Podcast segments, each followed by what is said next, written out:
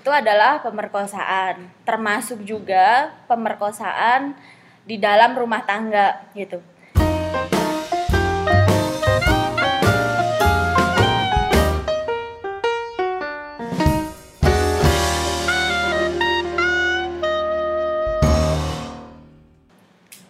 Assalamualaikum warahmatullahi wabarakatuh. Waalaikumsalam warahmatullahi wabarakatuh. Ya uh, kali ini jeda ngobrol saya. Ini alatnya sebenarnya pinjem punya teman-teman Gus Durian, nggak modal kita. Cuman karena kadung sudah bertemu Mbak Kalis yang fenomenal Aku ini. deg-degan, aku deg-degan ya ampun ya ampun. Aku nampil di channel dengan berapa subscriber? Udah berapa? Nggak bisa disebutkan karena begitu disebutkan Oh akan God, bertambah oh lagi, bertambah lagi, bertambah lagi. Nggak bisa ditentukan. Jadi berhubung saya ketemu dengan Mbak Kalis yang fenomenal ini Hmm, hmm. dan kebetulan memang sangat fokus di isu-isu tentang perempuan, Hmm, hmm. maka hari ini kita akan ngobrolin tentang apa yang lagi viral, Oke. yang sedang ramai Hmm. tentang gue soalnya nggak pernah nggak pernah serius membaca tentang ini jadi butuh Hmm. informasi dari Kalis soal eh, perkosaan Hmm. terhadap istri Oke. jadi itu yang diramain apa dulu Eh, jadi ada yang lagi rame kan, Hmm. ada rancangan undang-undang penghapusan kekerasan seksual. Mm-mm. Di salah satu poinnya itu ada salah satu jenis kekerasan seksual itu adalah pemerkosaan, termasuk juga pemerkosaan di dalam rumah tangga gitu.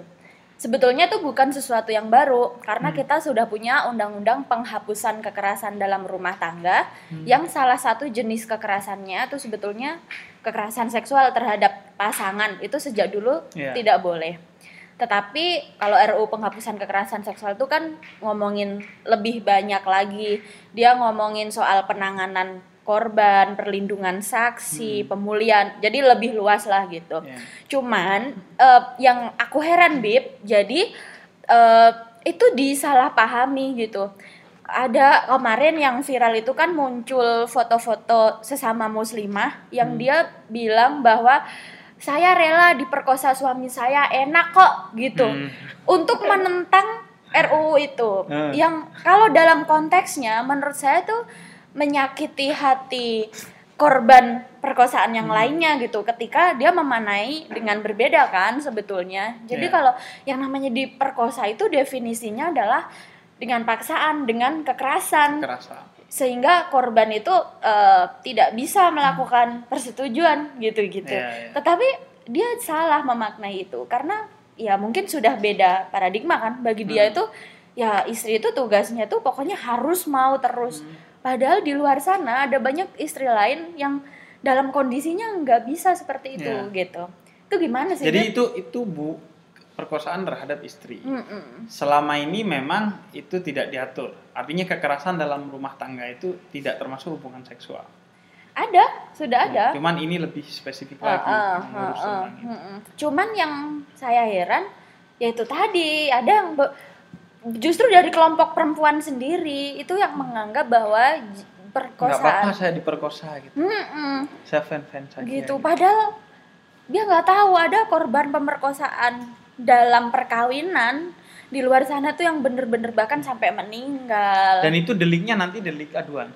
delik aduan. Artinya kalau mereka menerima ya sudah gak usah diad- diadukan selesai sebenarnya. Iya dong. Biar pasal itu digunakan Ya oleh kalau nggak yang mengadukan berarti kan setuju-setuju aja. Iya, nggak ada masalah berarti.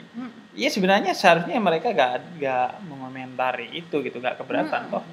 Yang penting kalau mereka fan-fan saja, nerima saja gak ada masalah. Karena Mm-mm. prinsipnya hubungan suami istri itu kan dalam Islam adalah saling bermusyawarah. Hmm. Sehingga hubungannya sebenarnya adalah hubungan dalam kesetaraan istri dan suami saling bermusyawarah dalam segala hal. Hmm. Ya yang paling biologis adalah dalam hubungan seksual. Hmm. Tolong Yang- dicatat calon suami saya ya. Anda sangat beruntung sekali punya calon istri seperti ini.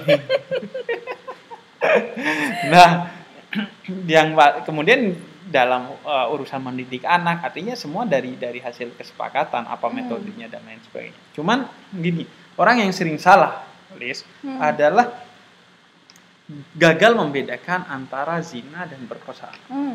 Seolah-olah Hmm. pemerkosaan itu hanya ada pada perzinahan. Oke. Kalau sama istri, emang ada istilah istri berkuasa? Ya ada sebenarnya, Hmm. karena pemerkosaan itu kalau kita tadi Kalis juga sudah jelaskan dalam KBBI itu intinya adalah perbedaannya pada kekerasannya. Hmm. Sedangkan Islam pertama, Islam menganjurkan hubungan suami istri itu wasiruhunna bil ma'ruf. Hmm. Maka pergaulilah istrimu dengan baik. Hmm. Artinya jangan sampai menyakiti. Kemudian yang kedua, Islam melarang kita melakukan pengerusakan. Hmm. Jadi kalau kita melakukan kerusakan di muka bumi, apalagi terhadap tubuh istri kita itu Hmm. adalah sesuatu yang sangat tidak Islami gitu. Hmm. Kemudian yang ketiga juga yang yang perlu digarisbawahi adalah yang halal itu harus juga baik. Yang halal harus juga baik. Makanya halalan toyiban kalau Hmm. dalam bahasa Quran. Makanan yang halal, apakah semua makanan halal boleh kita makan? Belum tentu. Baik apa enggak? Kalau kita diabetes ya jangan makan gula gitu, meskipun Hmm. gula halal. Sama dengan hubungan seksual, Hmm. meskipun sudah halal bukan berarti kemudian istri kita Wah, atau yang, yang baik sebaliknya gimana, Bib? Wah, bisa dilakukan seenaknya gitu. Oh, oke. Jadi bil ma'ruf dengan Hmm. kesepakatan dengan cara-cara yang yang sama-sama Hmm. bikin nyaman keduanya Hmm. dan bahkan sampai mempertimbangkan eh, aspek-aspek mood Hmm. dari kedua pasangan Hmm. artinya risih enggak pasangan ini dengan dengan pola hubungan yang seperti itu nah kalau ke- ada unsur kekerasan sudah jelas itu sangat Hmm. tidak islami meskipun sudah halal sama dengan gini oh karena saya ke haji Hmm. mau ke haji uangnya nggak apa-apa dari hasil nyuri ya enggak kali Oke. sama dengan atau oh ini karena kemudian eh, anak saya maka bisa Hmm. saya perlakukan seenaknya saya ya enggak bahkan kepada budak pun itu masih ada aturan-aturan yang mengatur agar hubungan kita dengan siapa pun Hmm. harus dalam koridor yang baik dan koridor yang baik itu sebenarnya koridor yang islami makanya disebutnya dalam bahasa Quran bil ma'ruf bil ma'ruf artinya sesuai dengan bagaimana umumnya Hmm. norma-norma baik itu beredar di masyarakat Bisa nggak, Bib? Berarti saya bilang bahwa pernikahan itu memang membuat hubungan seksual yang awalnya haram itu jadi halal ketika Oke. diikat dalam hubungan pernikahan. Tapi tidak melulu hubungan seksual di dalam pernikahan itu jadi halal kalau tidak ma'ruf itu tadi kan berarti. Iya, uh-uh. artinya ada wilayah kuantitatif dan kualitatif Hmm. halal kuantitatif itu akarnya Hmm. menjadi suami istri maka, maka secara kuantitatif halal. Secara kualitatif artinya bagaimana memperlakukan istri itu beda lagi. Hmm. Maka harus dengan bil ma'ruf tadi. Hmm. Kalau nggak bil ma'ruf maka percuma juga kehalalannya. Justru kehalalan menjadi pembuka bagi pintu-pintu dosa bagi suami terhadap istrinya atau juga sebaliknya istri terhadap suaminya karena tidak menutup kemungkinan juga sebaliknya loh Hmm. posisinya. Iya. Artinya ada eh, istri yang super power terhadap suaminya sehingga Hmm. suaminya tertekan secara mental. Istri itu harus super power, Bib. Soalnya kalau nggak super power, suami tuh selalu lupa naruh andoknya tuh di atas kasur, naruh sepatu di depan pintu. Kita harus super power, Bib. Kan dengan bil ma'ruf. Oke. Dengan cara-cara yang baik. Jadi nah, terus kemudian eh, apa agenda untuk eh, kesetaraan gender lagi dalam dalam Indonesia Hmm. dan yang basicnya menurut lo enggak kok Islam enggak gitu kok masih salah di Indonesia ini dalam menerapkan Aku pengen ini sih, Bib, fokus ke jadi sekarang tuh lagi trending juga istilah ketahanan keluarga. ya. gitu. Eh, eh, katanya orang-orang yang memperjuangkan rancangan undang-undang penghapusan kekerasan seksual tuh muslimah muslimah atau Hmm. perempuan-perempuan yang bahaya nih yang akan mengganggu ketahanan keluarga gitu. Hmm. Padahal menurut saya sih enggak gitu. Melawan kekerasan gitu ya, padahal korbannya itu ada, itu ya bagus gitu loh karena apa ya? Masa kita membiarkan perempuan-perempuan yang tertindas korban kekerasan dia depresi, dia ketakutan seumur hidupnya dan bahkan sampai meninggal. Bahkan yang kasus di Bali itu eh Niputu Karyani itu kakinya dipotong sendiri sama suaminya, Oh, sama suaminya. sama suaminya gitu. Dan ka- kalau kita berjuang untuk bikin perlindungan hukum itu tuh berarti menurut saya jihad juga gitu. Itu Iya. adalah ketahanan keluarga yang sebenarnya. Karena Jihad kan konstitusional. Iya, imajinasinya Hmm. gini, Bib, soal ketahanan keluarga tuh keluarga tuh harus nggak ada apa-apa Iya, gitu. harus dan harus iya, dan seolah-olah kalau keluarga itu ada apa-apa, itu berarti istrinya nih yang bermasalah. Iya, Nah. nggak mungkin suaminya. Iya, kayak gitu. Jadi ah itu pasti istrinya Nggak nggak bener. nurut nih gitu, nggak nggak ngurusin anak gitu.